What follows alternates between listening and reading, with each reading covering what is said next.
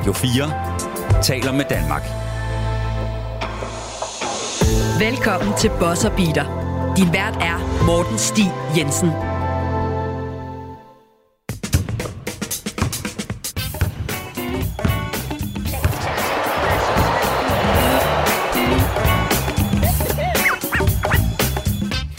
Rigtig hjertelig velkommen til Boss Beater. Mit navn det er Morten Stig Jensen, og i dag der skal vi jo selvfølgelig snakke om Denver Nuggets, der er dette års NBA champion øh, efter en 4-1 sejr over Miami Heat.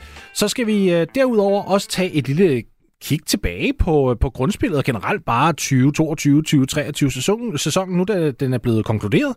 Og så skal vi snakke lidt om et Scoot Henderson-rygte, der er blevet skudt i gang i øh, New Orleans. Og så lukker vi af med noget Bradley Beal-snak. Uh, en lille nyhed, der popper ud faktisk kun nogle få minutter inden, at jeg gik i studiet her sammen med min gæst, Christian Larsen. Velkommen til. Tak skal du have, Morten. Det er en fornøjelse at være her. Det skal jo siges, at vi optager her øh, onsdag aften. Øh, normalt optager jeg nogle få timer uden, øh, inden vi udgiver der om fredagen.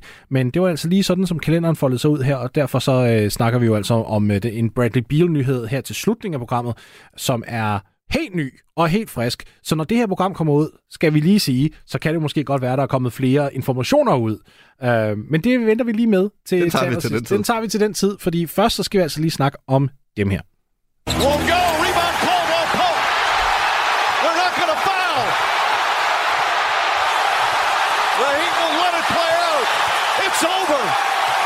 At last, the long wait is over. After 47 years, the Denver Nuggets can finally call themselves NBA champions.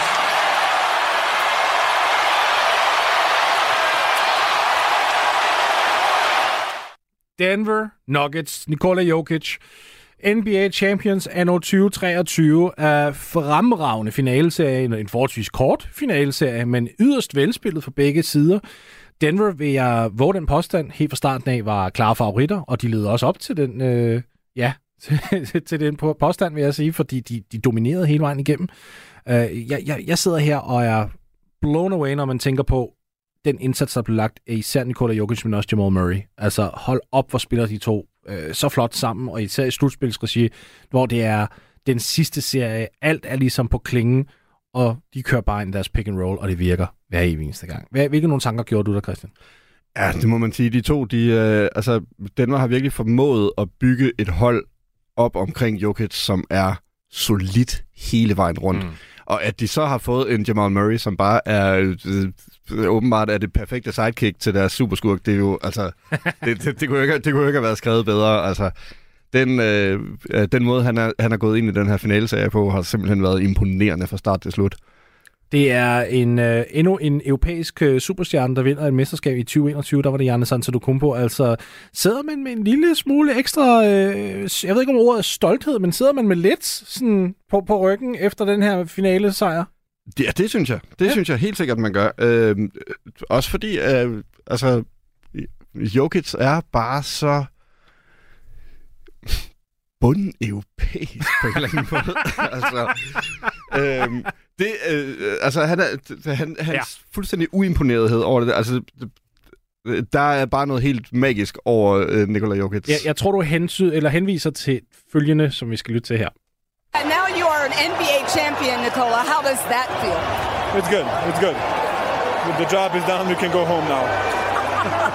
Congratulations, Mike. Det var æderbuk med et kort interview. Jeg har i øh, siden, øh, siden NBA Finals 2008 haft som mit all-time peak postgame interview mm. Kevin Garnett, Ja. der skriger, så hele hallen kan høre det. Everything is possible. Den har været by far mit favorit øjeblik i NBA. Nu deler den førstepladsen. altså, det her, det er, det er, det er simpelthen, det er, det, det, det er sådan en overraskende måde, på en ja. eller anden måde, selvom det er det jo ikke. Øh, fordi det er jo sådan, han er. Men alligevel så er det overraskende, at forløsningen om, at han har vundet et NBA-mesterskab, altså det vildeste, det største, det, man overhovedet kan inden for hans Det, øh, som han kommer til at blive ikke? Altså, kendt for resten af sin karriere. Ja, Ja. ja, fuldstændig. Og han er sådan lidt, jamen så kan jeg komme hjem og klappe min heste i stedet for. altså, det er jo fantastisk. Hans, hans bror er mere op at køre over det her, end han selv er. Ja. Det er jo, altså, altså, jeg, jeg synes, vi skal tage den helt til slut på den her, fordi det er jo ikke engang der, den slutter. Han sætter sig ind i, øh, til postgame-interviewet, altså om bagved, øh, øh, når de er kommet væk fra banen også. Der, hvor det er øh, alle journalisterne er samlet, og man sætter sig ned og alt det her. Og øh, der kommer han med den her nugget, no pun intended. I'm curious what you are feeling right now, and if you're looking forward to a parade coming up in Denver. When is parade? When is parade? Thursday. No. I need to go home. Okay. uh, we won it, but I think it's not the most important thing in the world. Still, um, there is a bunch of things that uh, that I like that I like to do. I mean, probably that's no, that's a normal thing, you know. Nobody likes his uh, his job, or maybe they do. They're lying. Uh, altså, han kører den fuldstændig... Jeg, jeg, jeg, jeg, jeg, sidder, jeg kan ikke sidde her og sige, at han ikke også selv nyder lidt den der rolle, han godt ved, han har. Den der med, at den der, jeg er lidt ligeglad med alt. Altså, han, men, manden, Oh, ja. men manden sidder decideret og siger, at ingen kan lide deres job, og hvis de siger, det kan men, men videoen til det her er endnu federe, fordi han kigger jo decideret hen på en af Denvers uh, kommunikationsassistenter, og sådan Ja. ja. siger, hvornår er den der parade der? Jamen, det er på torsdag. Jeg vil gerne, Og han jeg tager sig til, han tager, sig til, hovedet. Ja. Og, ej, men det er så fantastisk. Og øh, få øjeblikke kommer han til at, øh, efter kommer han til at kigge på sin telefon for at se, om, Nik- om, om uh, Novak øh, Djokovic har skrevet Ja, til ja, ham. ja. Hvor han finder ud af, at det er der 6 millioner andre mennesker, der har. sådan, det kan jeg slet ikke overskue. Altså, det er... Ja, Han, han, jeg tror, han er den der type, som der er lige så tilfreds med bare at gå hen og spille noget old boys bold, end, altså, og så samtidig også spille i NBA-finalerne. Altså, det rører ham ikke. Det, det er, scenen er på en eller anden måde underordnet. Han gør det her, selvfølgelig også fordi han er en af de mest vellønnede spillere i hele NBA. Det er jo klart. Mm. Det, det, man skal jo ikke undervurdere. Der er en grund til, at han gerne vil have sin max-kontrakt, fordi han har det værd. Ja. Øhm, men, men det vil slet ikke overraske mig, at, at han var sådan en type, der bare lige pludselig efter sådan en kontrakt der, selvom han var i midten af 30'erne og havde tid nu, mm. bare sådan sagde, Nå, ja, ja, tilbage til Serbien. Eller eller ja, andet, ja, altså. Han har jo en, heste, øh, hvad hedder det, en hestefarm i Serbien, som han øh, Ja. skynder sig hjem til efter hver sæson, ikke? Jo. Øh, jeg mener, at det var, øh, jeg kan ikke huske, det var, øh, sidste år eller forrige år, hvor han fik, øh, øh, over, hvor han skulle have overragt øh, MVP-trofæet, Mm. men han var allerede taget hjem, så Ja. holdet var nødt til at rejse til Serbien for at give ham trofæet, altså fordi han havde slet ikke tid til at vente på det, da han skulle hjem Nej. til sine heste, og så skulle det ellers bare være øh, sommerferie derfra, ikke? Jeg, jeg, jeg, har, jeg kan simpelthen ikke finde ud af, altså, der, det er sådan, når man kigger på NBA-stjernerne for, i fortiden, det der med, at medierne byggede dem op til det her, det var det, the pinnacle of their careers, altså det der med at vinde et mesterskab, og de skulle føle det helt ind i sjælen og alt det her. Den her kontrast, jeg tror aldrig, jeg har set en, der er så skarp. Altså en, en gut, der nærmest bare står sådan, åh oh ja, hvad pokker, og det, er- det er fint nok, vi vandt, det var det, vi var ude ved jobbet, det var vores arbejde. Ja, præcis. Men øh, nu gider, nu gider jeg ikke mere. nu er jeg færdig. Jeg tror aldrig, vi har oplevet det her før. Spørgsmålet er, om vi nogensinde kommer til at opleve det igen. Altså, det er... Altså, jeg vil se, det var et godt spørgsmål, fordi at øh, det sætter jo lidt øh, samtalen over til Nuggets i, i al sin almindelighed her, fordi jeg kunne da godt se dem for øh, vinde mesterskab til, hvis ikke to til. Ja, det kunne jeg også. Øh, jeg er meget, meget... Øh... Jeg, meget, jeg bliver meget, meget glad for, øh, for, for øh, coach i øh, hvad hedder det, press conference, der fortalte, at øh, Pat Riley havde lært ham, at der var ligesom at byggesten i det her. Du startede med mm. at være øh, øh, at være i øh, rebuild, så blev du øh, contender og, øh, og så videre bygget på, bygget på, bygget Ja, på. ja. Og når du så havde vundet mesterskabet, så var der faktisk et trin mere over. Og det trin, det hed, øh, det hed øh, hvad hedder det? Øh, Altså, Gør det igen. Gør det igen, ja. Øh, build a dynasty. Ja, ja. Og øh, det tror jeg, det tror jeg, de har byggeklodserne til. Ja, ja, der højeste grad. Altså, de har en ung kerne, de har dem på kontrakt i, øh, igennem hele næste sæson, øh, og de fleste af dem også den kommende sæson. Øh, så de har re- reelt mulighed for at bygge noget meget, meget stort.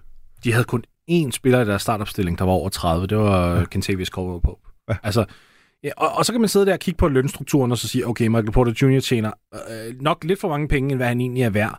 Men han spiller til gengæld også en essentiel rolle for dem i, at han kan ramme det her trepointsskud på høj volumen og høj procent og høj effektivitet. ikke? Altså, Ja. ja. det betyder utrolig meget. Øh, Så, så kommer spørgsmålet ind, hvad hvis man mister Bruce Brown? her til sommer, for det kunne man jo godt. Han, han har en player option, og han øh, er på en meget, hvad skal man sige, team-friendly kontrakt lige nu. Ja, det må man sige. Øh, så han, han har højst sandsynligt tænkt sig at sige nej tak til den, og så blive en unrestricted free agent. Det ville ikke undre mig, hvis der var et hold derude, der lige pludselig sagde, ved du hvad, Bruce, øh, du skal da nok have omkring 20 millioner året. Det, det vil da ikke overraske mig. Hvad gør man så? Er man, hvis man er Bruce Brown, siger man ja tak til de 20, eller siger man ja tak til de 7,7 millioner, hvilket er max af, hvad Denver kan tilbyde? Altså, det er jo, det er jo et virkelig, virkelig godt spørgsmål. Normalt, så vil man jo sige stensikkert tage det 20, ikke? Mm. Men det, jeg kunne sagtens se ham sige, øh, jeg bliver her. Det kunne jeg også. Altså, det, det kunne jeg virkelig godt se, fordi at de har så stort sådan community øh, på det hold. Ja. Det er et rigtig, rigtig rart sted at gå på arbejde. Og som øh, Nikola Jokic rigtig nok siger, så går de jo faktisk på arbejde. Ja. Øh, og Og så det siger med- han så også, at man ikke kan lide, at de ingen kan lide det. Ja, ja, præcis. Men altså, det, Det, måske, han, det må stå for egen regning. ja, ja. Men det tænker jeg, at det siger han kun, det, altså det, det siger han kun, hvis det rent faktisk er, fordi altså det er fun and games, ikke? Jo, jo, jo. Øhm, og han siger også, at han rigtig godt kan lide at være på det hold. Mm. Øhm, de har alle sammen, altså alle på det hold har den, altså en af deres holdkammerater som den, de gerne vil se Ja. være en succes. Der er ingen på det hold, som har sig selv som den, de gerne vil se være en succes. Ja. Øhm, så, så på den måde, så, så kunne jeg godt se ham træde ind i en, øh, i en mindre kontrakt for at blive på det hold. Det skal også siges, det vil kun være midlertidigt, fordi grunden til, mm. at man ikke kan give ham den kontrakt, man gerne vil give ham lige nu, det er jo fordi, at han, er, han har kun spillet et år for Denver, så de er ikke engang tætte på at have hans bird rights, for eksempel. Præcis. Altså, det er lige så snart, at han har spillet næste år færdig, så har man det, der hedder early bird rights, og så kan mm. man altså gå op og skrive en, en ny kontrakt til ham, der er 175 procent øh, af værdien fra det foregående år. Ja. Så, så der kan man lige pludselig komme op i, i et lidt højere luftlag. Jeg tror personligt på, at de kommer til at beholde ham. Jeg tror på, at de kommer til at beholde ham ige- igennem to yderligere år. Og når han så har været igennem sit tredje år med Nuggets, så har man full bird rights på ham, og så kan man faktisk skrive under med ham altså til principielt set en max-kontrakt. Det er ikke fordi, jeg siger, at han får det. Ja, det det gør skal han der ikke. ske noget, men... Så skal øh, der ske noget. Men så, så giver de ham så en rigtig høj løn for ligesom at kompensere for de tidligere år, hvor han ja. Måske ikke har fået det. Og, og så ved jeg godt, der er nogen derude sige, men det er jo salary cap manipulation. Ja, det vil det være, hvis man aftaler det. Altså sådan rigtigt. Øhm, Mm. men, men man kunne jo også bare lade slagets gang gå, og så, når det så kommer tid, så siger man, ej, men vi synes, du er 18 millioner værd, selvom måske markedsværdien siger 12. Ja. Så må man bare tage den på det tidspunkt. Uh, det, det vil jeg i hvert fald ikke have. Jeg, jeg synes i hvert fald, at Bruce Brown burde blive der, også for hans egen Mhm. skyld. Ja. Det virker til, at han har fundet et hjem der. Han var lidt en journeyman, ikke også? Altså Detroit, ja. Brooklyn og sådan noget. Bare sådan, ej, nu, nu, er han, nu, han, nu har han fundet et sted, hvor han faktisk vandt en mesterskab, hvor han spillede ja. en kæmpe rolle. Ja, hvor han faktisk også godt altså, kan, kan gå ind og føle, at han gør en forskel på holdet. Præcis. Ikke? Det har han jo... Det er svært at gøre i den der journeyman-tilværelse, tror jeg. Ja, det, Øhm, det er det. Det er det. Det der med at finde en, ikke bare finde rollen, men også... Men også at finde en mening. Altså, Ja. ja. Du flytter rundt hele tiden, du spiller på et nyt hold hele tiden, du skal øh, lære nye mennesker at kende, du skal lære nye systemer at kende, og altså, øhm, Onkel Jeff er jo et øh, fremragende eksempel på det, øhm, som har gjort det i hele sin karriere, og aldrig rigtig er slået igennem. Nej, det, altså, Altså- altså, han havde holdt op med, med, med Jeff Green. Han har edderbuk med haft en lang karriere, når man tænker over det. Og ja. så var der jo lige pludselig, øh, var det hjerte, han, havde, han havde hjerteoperation også på et tidspunkt, hvor man tænkte, så kommer han overhovedet til at spille igen. Ikke? Ja. Så, øh, så vender han sig tilbage, og han ender med at spille for, hvor mange hold er det? 10? 10 stykker? 8, ja. 8 10 stykker? De har jo også, de, altså, de har jo også Schmidt på, Ja, som, Ish- altså, som var den, der har spillet på flest hold. Jeg tror, det er 13 hold over 13 øh, sæsoner. Ja. ja, ja. Så det, det her er De måske har nogle af de der journeymen, som... øh, mesterskabet for journeymans. Ja, det må man sige. Du lytter til Bosser Beater på Radio 4. Christian, vi har jo lige siddet og snakket om det her med, øh, med Jokic og, og det, hans reaktion efter at have vundet mesterskabet. Men vi har også fået et, øh, et spørgsmål ind omkring det. Det Ja. kommer her. Hej Moritz, så fik I endelig en ring til Jokic, og jeg er lige så glad for det som dig. Mit spørgsmål går dog på øh, hans reaktion, efter han har vundet NBA. Altså, det er en mand, der har opnået noget af det ypperste, han kan inden for sporten. Måske det er det allerstørste. Og det virker som om, han er mest travlt med, når han kommer hjem til Serbien, og han er en, sådan, virker nærmest en lille smule ligeglad, og har ikke det der passionerede reaktioner, som man for eksempel har set LeBron have. Og, sådan. og tror du, en af grundene til, at ligaen måske ikke så godt kan lide ham, er, at den passionen er en lille smule fraværende, øh, og det er simpelthen ikke godt for ligaens branding, øh, at man er ikke mere ophidset over at have præsteret noget så stort som at vinde en NBA-ring. Det er et sjovt spørgsmål, fordi det går ind lidt på det der med, at Jokic er, er kedelig, og det eneste, jeg begynder at tænke, når jeg hører det der, det er Tim Duncan. Altså igen, helt, det, det er lidt som om, han er blevet den her æres Tim Duncan. Ja. Altså, han, han trækker ikke, ikke alle de her overskrifter. Der er nogen i ligaen angiveligt, der sidder og tænker, puh, er en Jokic-finale. Ikke? Også ligesom de gjorde med åh, en, en Duncan-finale. Mm, ja, ja, ja. Men altså, jeg, jeg tror, der er noget sandhed i, at folk, der virkelig godt kan lide, du ved, hele cirkuset omkring NBA, de sidder nok og tænker, ej, hvor er han kedelig. Ja. Men for basketballnørderne, som der fokuserer langt mere på produktet på banen, end hvad der bliver sagt udenom, der tror jeg, at vi sidder her og bare tænker, "Ah, det gør ingenting. Fordi det, han giver os på banen, er alligevel så fedt, at det er det, vi lever højt på. Det, er i hvert fald, hvordan jeg sidder. Hvordan ser du? Altså, jeg sidder, med, jeg sidder med armene op over hovedet over det. Altså, jeg synes, det er fantastisk. Øh, men øh, jeg er også sådan en, som godt kan lide punkmusik og sådan noget. Altså, det...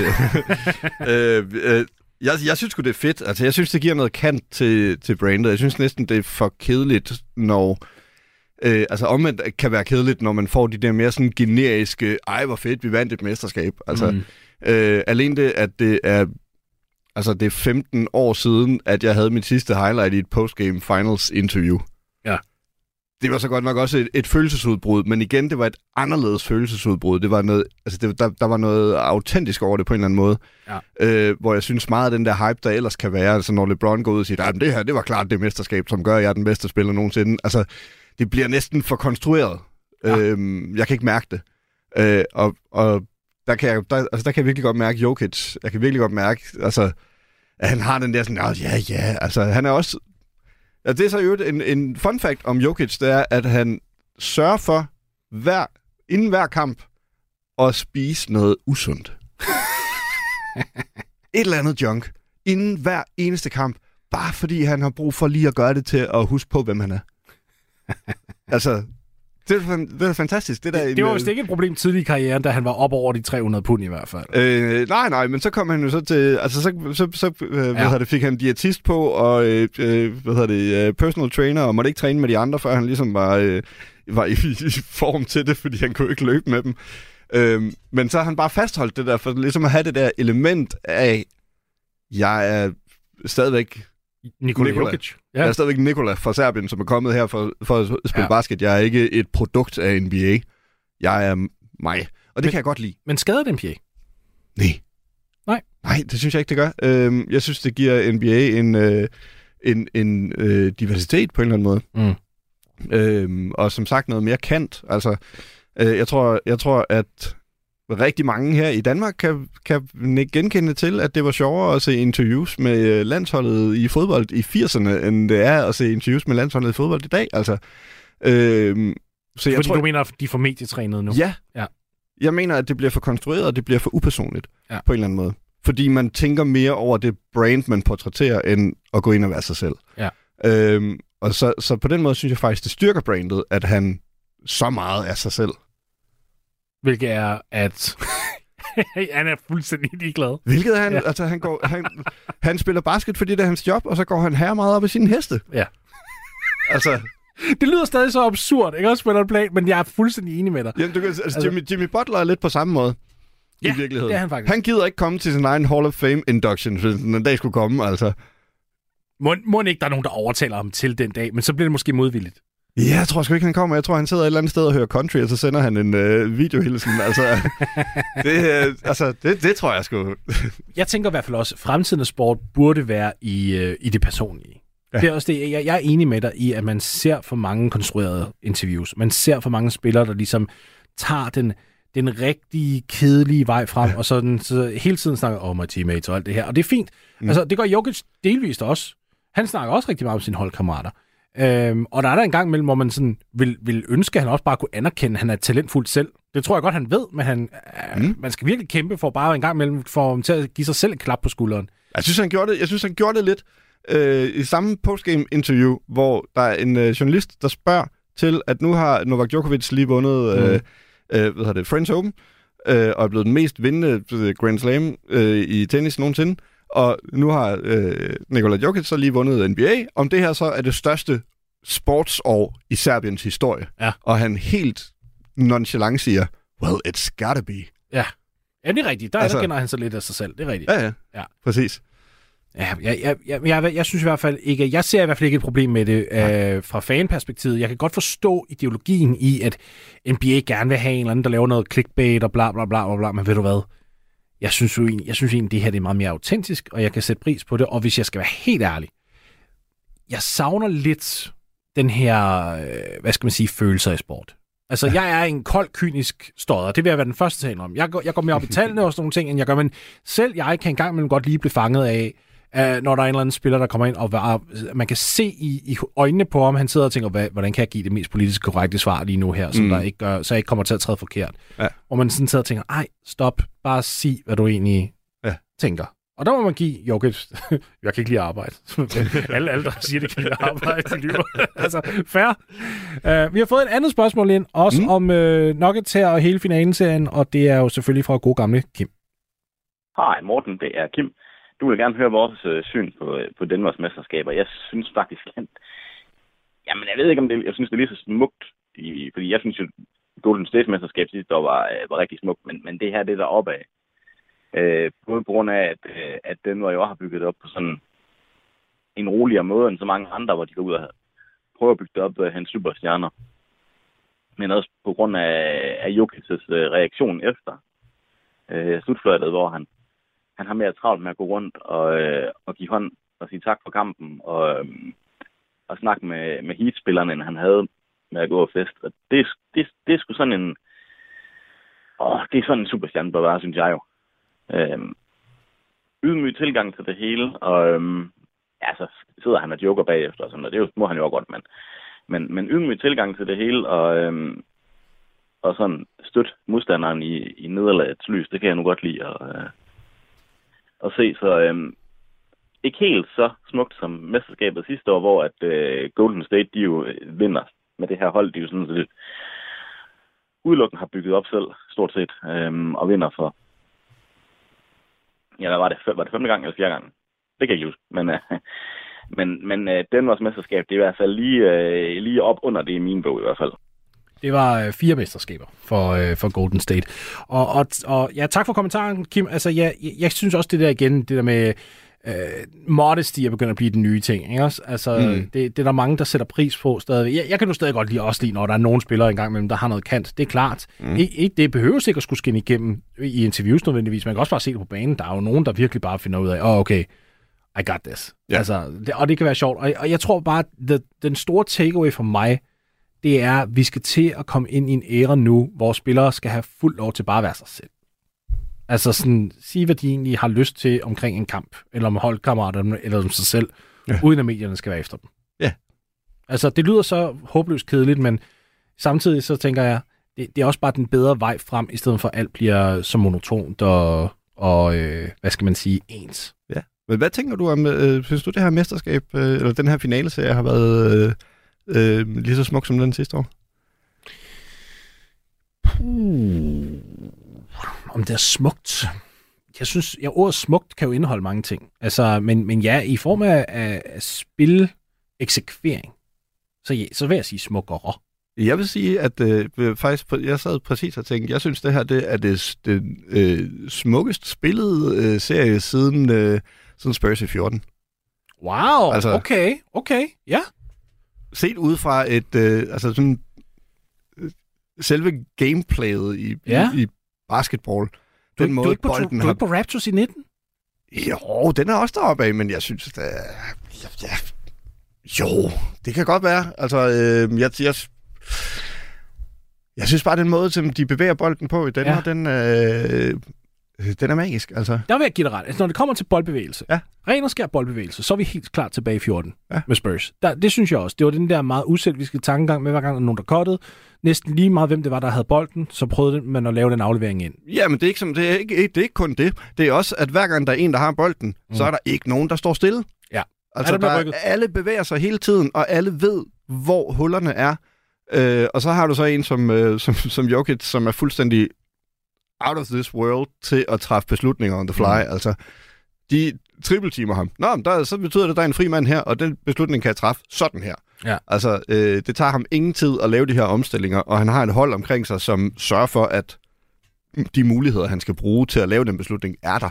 og så har du en her rollespiller, der først og fremmest accepterer deres rolle, og derudover spiller over niveau meget ofte faktisk. Mm. Øh, og ikke nødvendigvis vil bare score en masse point, men så siger, okay, jeg har måske ikke tur i den i dag. Altså vi, Kentavious Caldwell Pope, synes jeg er et genialt eksempel. Ja. Han skød ikke bolden særlig godt i finalerne. Nej. Og han an- anerkendte. Han var sådan, man kunne se på ham i banen sådan, ah okay, det, jeg har ikke skudt køren endnu, så jeg skruer op defensivt. Ja. Jeg skruer op i at aflevere bolden.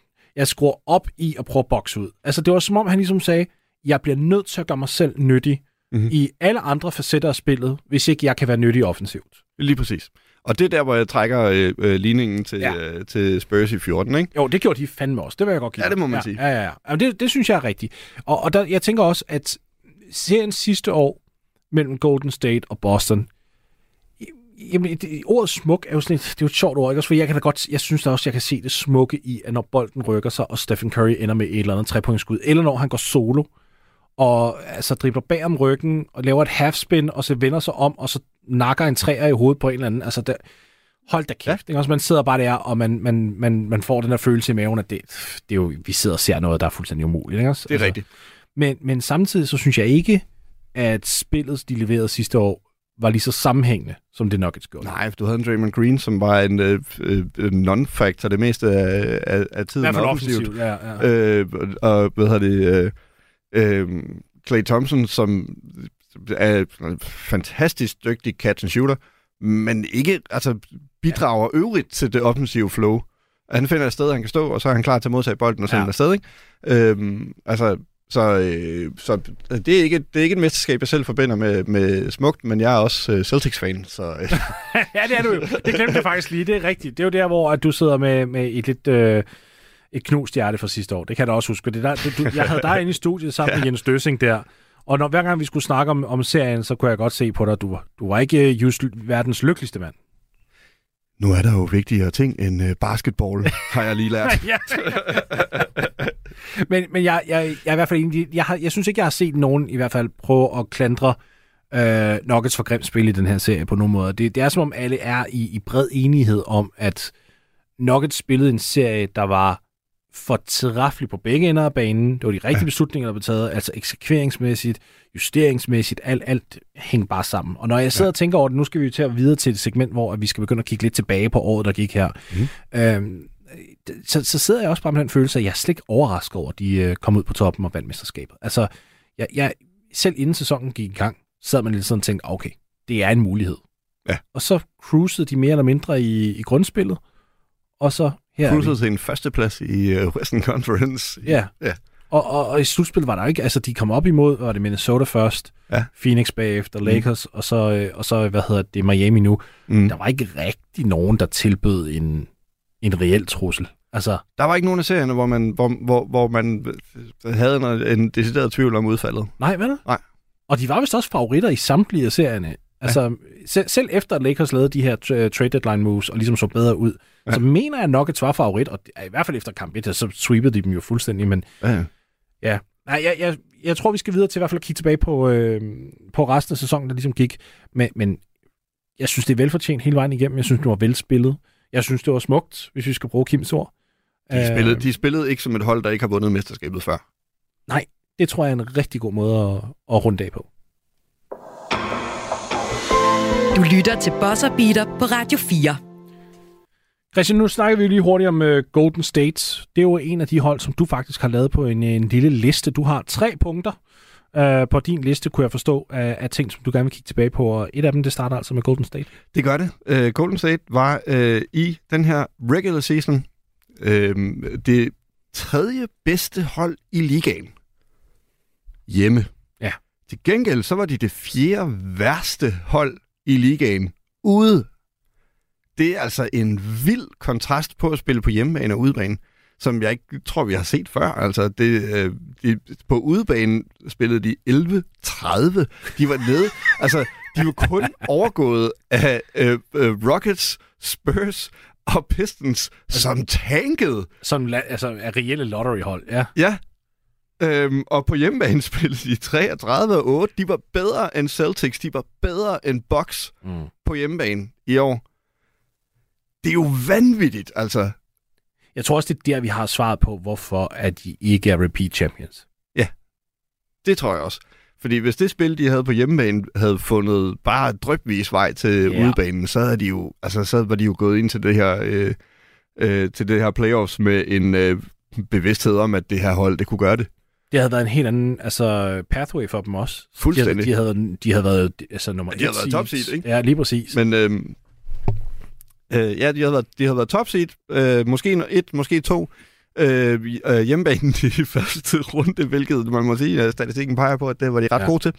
Øh, altså, det havde set helt anderledes ud, men hvad delen det er, der har Mm. gjort kæmpe store forskel, det, øh, det glæder jeg mig til at se, jeg tror, øh, det er få nogle bud på. Jeg tror, de manglede en dybde. Altså, de mistede jo Otto Porter Jr., og så fik de så... De mistede Gary Payton uh, the second, og så fik de ham så tilbage igen, og det var en ja. Lidt mærkelig situation der. Ja. Men de havde bare ikke den nødvendige dybde. Altså, det, det var for... De troede jo, at ungerne ligesom var klar, Ja. og det var de ikke.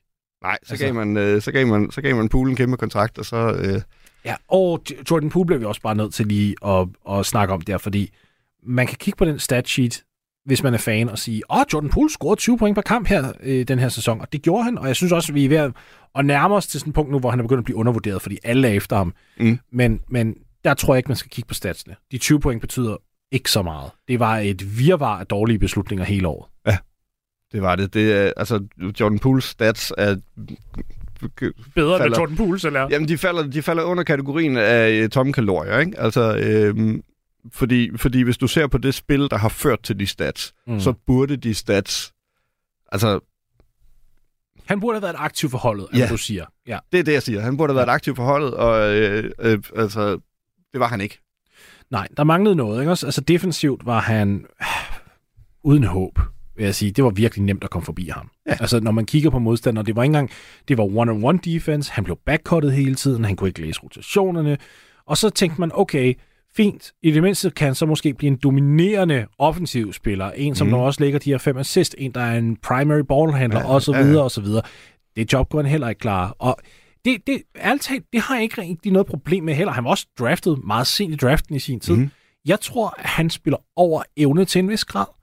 Og jeg tror, han er begyndt at blive featured for meget. Jeg tror, at nu har man givet ham den kontrakt, og nu bliver han sådan skubbet ind i en rolle, hvor han skal have de her 30 plus minutter per kamp. Men der er en del af mig, der tænker, han burde aldrig have været den spiller. Han burde have været sådan en spiller, man tog ind fra bænken af, spillede omkring 22-24 minutter per kamp, mm.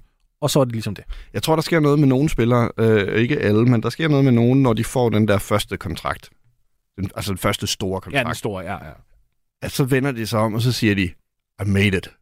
Ja. Ja. Og så holder de op.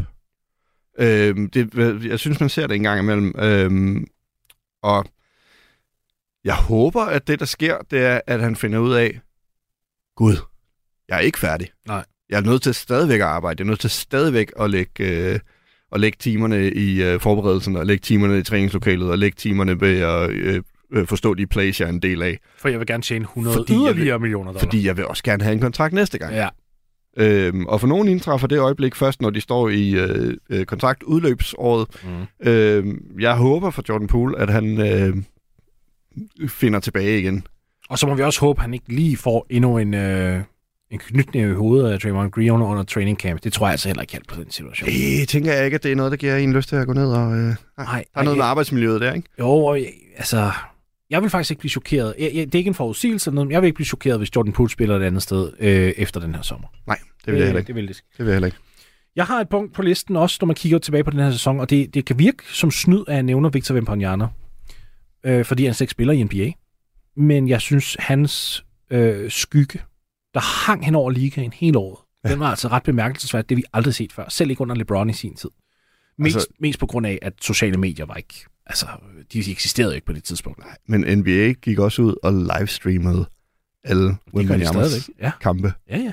Altså, De købte rettighederne til hans kampe simpelthen. det er jo øh, unheard of. Altså, Vi har aldrig, nej, vi har aldrig set, at de lavede, altså, du har Scoot Henderson i G-Leagen, som de også begynder at fremhæve, fordi G-Leagen er jo en, en ja. Ja. underliga NBA. Du har den der op, de to opvisningskampe, ikke også? Altså mm-hmm. Mhm. med Metropolitans 92 og ja. G-League der i, var det september eller sådan lignende. Ja. Altså, hvor der er virkelig, alle øh, de tunede er gået all in på hype. og, og jeg kan ikke lade mig at sidde og tænke, den, den skygge har jeg kunnet mærke hele vejen igennem. Ja. Ja. Og, og, og vi snakker ikke kun i mediebilledet. Jeg snakker også om, at når jeg snakker med mine kilder, Mhm. det er sådan nogle ting, så, som, Nå, men hvordan er I ved at forberede til sådan og sådan og sådan? Jo, men vi skal jo lige finde ud af, om vi egentlig ønsker at jagte knække den. Ja. Altså, det er sådan en ting, der var, sådan at når de var kommet 20% 25% ind i sæsonen, og når lige prøvede at tog pulsen på nogle af klubberne, så var det sådan, ja, men altså, han lurer jo. De ja. anerkendte sådan, altså, jeg snakkede med en klub, som jeg, jeg kan ikke fortælle navnet på, men det var et højstående klub, ja. som der deciderede, altså, hvor man skulle sidde og tænke, de skulle slet ikke tænke de baner. Og de sad og sagde, ja, altså, det er ikke fordi, vi ikke har haft nogle samtaler, om vi måske skulle lave om på tingene. Mhm. Og det, som der så ultimativt set gjorde, at de ikke reagerede på det, det er fordi, at der nu kun er den der maksimale 14% chance i, øh, i draftlotteriet. Ja. Det har virkelig ændret alt. Hvis det var de gamle lotteriodds, hvor det værste hold i ligaen havde 25% chance, Mhm. så er jeg 100% overbevist om, at vi havde set mindst 5-7 klubber yderligere. Der var ingen, der gad at spille play-in-kampe i det der, Nej. hvis det havde været... Alle havde øh, tanket. Som, Ja. ja. altså, men, men der må man jo så sige, ligaen på en eller anden måde, altså kudos til dem, at de fandt ud af at få det til at fungere. Altså, at det ikke blev en noget, som der dominerede så meget i tanking-ræset. Altså ja, der var selvfølgelig nogle klubber, mm. der tankede til, altså vi så Dallas der til i slutningen af, af sæsonen, altså det, i grundspillet i hvert fald, Ja. bare åbenlyst gjorde det. De fik også en, en bøde på, tror jeg, på 700.000 dollar, ikke? også? Altså, Ja. ja. fordi det var simpelthen for åbenlyst. Så der er selvfølgelig eksempler, men det var ikke fordi, at der var nogen af de her hold, der sådan allerede fra starten af sæsonen sagde, nope, vi er ude. vi, vi, er, vi er helt på den der vogn med det samme. Altså, det, de, det var kun hold, som man vidste i forvejen, vi kom, de kommer ikke til at være særlig gode. De kommer til at være der lige meget hvad. Ja. Men jeg synes, det var bemærkelsesværdigt, hvor meget han ligesom øh, hang hen over ligaen. Hvad, hvad, hvad tænker du? Jeg tror, at alle, at alle hold i ligaerne havde ham som en form for sikkerhedsventil.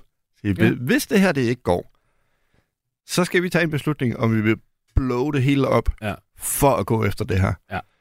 Øhm, altså, og, øh, ja, altså, men, men jeg har det også sådan lidt, han kan, han har to muligheder, når han kommer ind i ligaen næste sæson. Mm. Han kan enten leve op til forventningerne, eller han kan skuffe. Ja, det er jo som regel de to muligheder. Nej, for normalt så kan du også overstige forventningerne. Du kan også overraske positivt. Og det kan der også. Ja, det, åh, det har jeg Jeg, svært jeg, ved at vil da, jeg vil da sige, leve op, til, leve op til forventningerne, det er jo at, at overlevere, vil jeg sige. Fordi prøv at høre, hvor det er. Prøv at tænke over, Ja, for de forventninger, de er Ja, de er skyhøje. langt ude i rummet, altså. Jeg, jeg skrev en artikel på et tidspunkt, øhm, hvor jeg mere eller mindre skrev, altså inden for Sports Illustrated, hvor jeg, jeg, jeg lavede den pointe, at man skal ikke kigge på statistikker her næste år med ham. Det er ikke det, det handler om. Nej, nej, nej. Det handler ikke om, er det 20 og 10, og hvis han får 20 og 10, så er han, så er han et boss. Nej. Mm. Det handler om først og fremmest at kigge på produktion per minutbasis, hvis det absolut skal være noget. Ja. Og så skal man kigge på indflydelsen. Ja. Man skal prøve at se, hvordan ændrer han San Antonio. Nu bliver det jo San Antonio, Mm. ved vi nu. Hvordan ændrer han deres forsvar? Ja. Hvordan integrerer han sig selv offensivt? Og hvordan justerer modstanderne til ham? Og lige præcis. Og, og det er jo det der med, at han vil gerne spille med den der form for frihed, han også havde her i, øh, i Paris. Ja. Eller med Metropolitans øh, 92. Ja. Og, og der ved man ligesom, at det var et krav, der er fra hans side, at det vil han have. Og Spurs og alle andre organisationer er jo klar til at sige, selvfølgelig, det er derfor, vi vil have dig. Hvorfor mm. skulle vi dog vælge dig, hvis vi ikke har lyst til at spille dit spil? øhm, men, men det er noget, der, der skiller sig fuldstændig ud fra Pops måde at gøre tingene på, rent Ja. generelt. Ja. Så, så jeg, jeg glæder mig enormt meget til at se, om man bare kan få det ægteskab til at hænge sammen. Den der meget rigide Spurs-model. Og så har du Victor Wembanyama, der bare er noget, vi aldrig har set før. Hvordan får du de to ting til at hænge sammen? Jeg tror, hvis der er to... Altså, hvis, hvis det kan lykkes at få det til at hænge sammen, så er det da netop Ja. med, med pop. Altså, øhm, fordi han har en... Han, altså, coach Popovich har en, en forståelse for spillet, som, som, som selvom han virker rigid i sit system, øh, også gør ham i stand til at anerkende, når han er nødt til... Altså, når han tager fejl. Ja.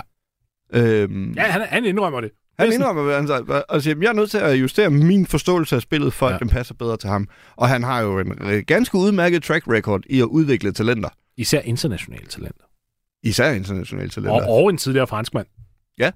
Som der virkelig ikke var glad for ham to, indledningsvis. to tidligere franskmænd. Og især, Men- nu, nu tænker jeg på Tony Parker specifikt dog, fordi han var, han, ham fik man jo ind i draften. Ja. Ja. Han, var jo, han var jo en knæk, da han kom ind, ikke også? Ja, ja, lige præcis. Ja, altså, jeg synes bare i hvert fald, det har været sjovt at se, hvordan... Øh, Men spørgsmålet er, om det virker st- øh, straight out of the gate, eller om det tager et par sæsoner. Ligesom, altså, lige meget hvad, jeg er ind på Wemby. Ja. Ja. Det er jeg, jeg tror på.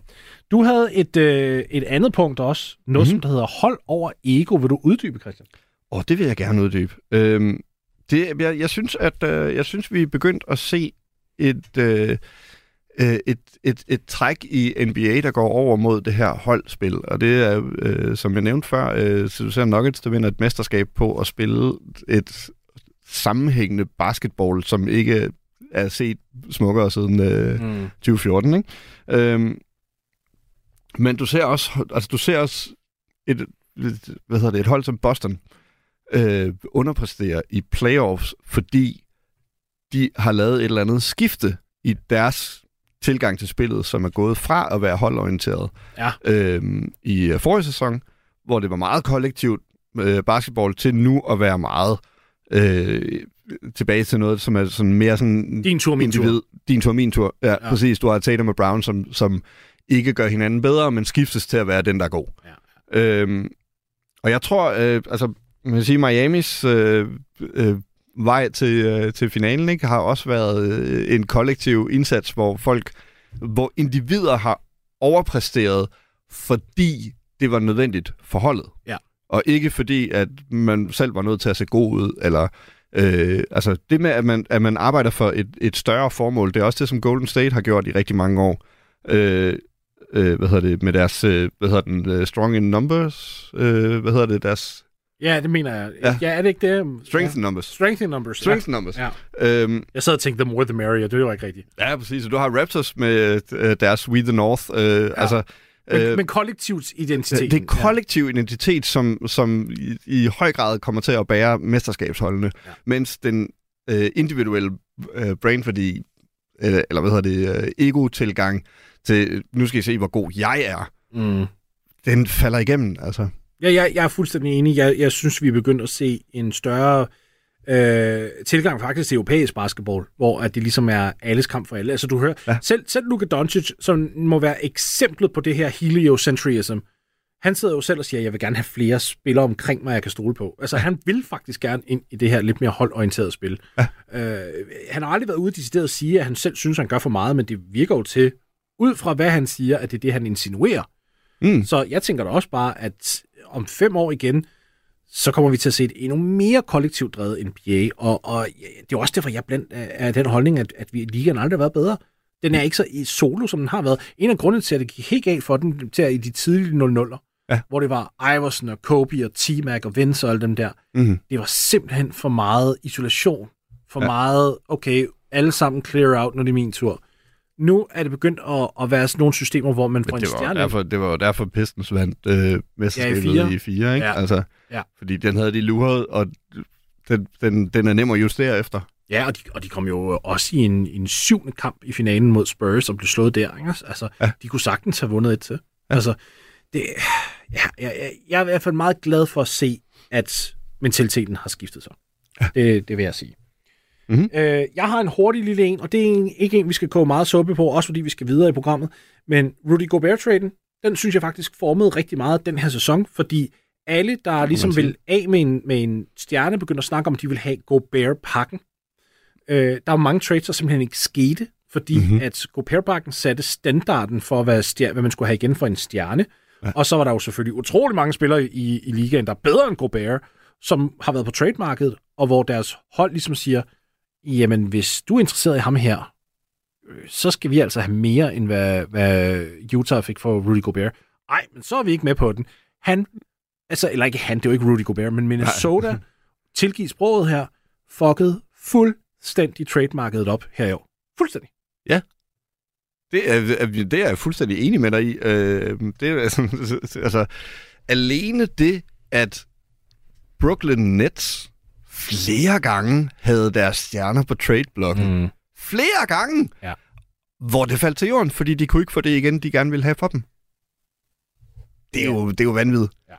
Ej, det er det. Altså, Nu skal du høre, Christian, dit sidste punkt på listen. Det, ja. Ja. det, vi springer ikke over det, men det er fordi, det handler lidt om effe, altså effekten af play-in-turneringen. mm, Øh, det, her- det, og det er jo også lidt det her med altså kollektivet over, øh, over egoet. Det med, at der er så mange, der prøver at komme være kompetitive og alt muligt. Ja. Men, men det er fordi, vi skal simpelthen videre til at snakke om Scoot uh, Henderson og Zion Williamson og Bradley Beal og alt det her. Så jeg vil egentlig mm. gerne bare lige på, lidt på dine vejen rundt den af. Øh, fordi øh, du snakker jo om, at det er den her med at have den her gulderød foran ja. sig. Den er, den er uhyre vigtig, og det har- hjulpet produktet i NBA. Og øh, jeg var jo en, der sad her for nogle måneder tilbage og var lidt skeptisk omkring det her plan. Og nu har vi Miami Heat, som der kommer hele vejen i finalerne, som en play-in, en, et play-in-kandidat. Så og jeg, Lakers, som kommer i conference finals. I, i, fuldstændig. Så jeg er jeg æder den råt. Jeg, jeg, jeg siger, jeg tog fejl. Så det, det, det, jeg vil hellere slutte på den, og så vil jeg ja. faktisk hellere give dig en åben invitation til, at vi kommer ind, for du kommer ind på en senere dag, og så tager vi en lang snak om effekten af play-in-turneringen fremadrettet. Hvis det, det er, er med på. Super. Fordi så går vi nemlig videre til uh, Scoot Henderson og Zion Williamson. Du lytter til Bosser Beater på Radio 4. Der er nok nogen derude, der sidder og tænker, Scoot Henderson og Zion Williamson. Ja, det er fordi muligvis kan de to enten blive traded for hinanden, eller også så kan de blive fremtidige holdkammerater. Der er i hvert fald nogle rygter ude fra øh, øh, ja, æteren af, at øh, New Orleans Pelicans, de vil have Scoot Henderson. Højst sandsynligt bliver han jo valgt med andet valget, hvis ikke tredje valget. Jeg tænker, de øh, satser efter andet valget, fordi Nummer tre, det er Isaac Portland, og Portland hvad, ved vi slet ikke, hvad, hvad de kommer til at gøre med det draft pick. Så jeg tror, hvis de er interesseret, altså øh, New Orleans er interesseret i Scoot Henderson, så skal de altså prøve at få andet valget fra Charlotte Hornets, i stedet for at rute ud i, i, en, i en potentielt nederen situation. Og det betyder, at man skal skille sig af med en af Zion Williamson eller Brandon Ingram, fordi der er ingen tvivl hos nogen, at hvis Charlotte Hornets skal med, med andet valget, så koster det så koster det, ja. Hvem øh, går du med der? Hvem vil du helst af med, hvis du er New Orleans Pelicans? Øh, Sein. Yep. Det er helt oh, kort. Ja. det er, øh, han, er, han, er den, han er den bedste spiller af de to, men øh, det er kun, når han spiller. Ja. Og det gør han ikke så tit. 114 kampe for karrieren, fire år inden. Ja. Og har misset en hel sæson. Spillet kun 29 kampe i år. Ja. Det er ikke kønt. Det er ikke kønt, og det er ikke, øh, altså man kunne, vi kunne se, hvor kæmpe stor en forskel, vi snakkede om det øh, sidst jeg var gæst i det her program, hvor kæmpe stor en forskel det, det gjorde for Pelicans, om han spillede eller ikke spillede. Jeg tror, man simpelthen er nødt til at øh, part ways og øh, få en, øh, altså hvis du, hvis du kan få skudt Henderson ind, og han rent faktisk pander ud til at være øh, det impact, som han ser ud til at kunne blive, ikke? Jo. Så vil jeg ikke kigge tilbage på det trade, altså. Der ligger også det i det, at Brandon Ingram bare blev så meget bedre så meget bedre. Over de sidste 19 kampe af, af hans øh, grundspil, mm. der snittede han over 27 point, over 6 rebounds, over 7 assists. Og det, er ikke, det var ikke tilfældigt. Han har ligesom han havde, han har arbejdet sin vej op til det gennem hele mm. sæsonen. Man så ham i løbet af sæsonen få lidt flere af de her aha-øjeblik. Ja. Sådan, jeg kan bære den her til, jeg kan overtage den rolle, som sejren egentlig skulle have fyldt ud for os, men han, er jo ikke, han spiller jo aldrig. Så derfor bliver jeg nødt til at tage flere skud. Jeg bliver nødt til at tage flere beslutninger. Jeg bliver nødt til at have bolden i hænderne mere og være beslutningstager. Ja og det gik rigtig, rigtig godt. Så jeg kan sagtens gå med på præmissen, at Zion er bedre end Brandon Ingram. Det tror jeg ikke, der er nogen, der er uenige i. Nej. Men jeg vil men, sige, men den Brandon gap Ingram der... er jo, øh, er, jo, er jo den stabile. Ja. Altså, og hvis du skal bygge et hold op, så er stabilitet vel altså et, et ret vigtigt parameter at bygge op omkring. Altså, Tilgængelighed er enormt. Tilgængelighed, ja. Ja, enormt. Altså, du, du skal spille, altså det er jo ikke fordi, du siger... Du spiller 82 kampe, 82 og så skal kampe. du spille minimum 16 playoff-kampe bagefter, ikke? Jo. Øh, det, hvis, du, hvis du skal ende med et mesterskab, så er du altså nødt til at have øh, en, en, en kerne af spillere, som er til, øh, til rådighed. Ja.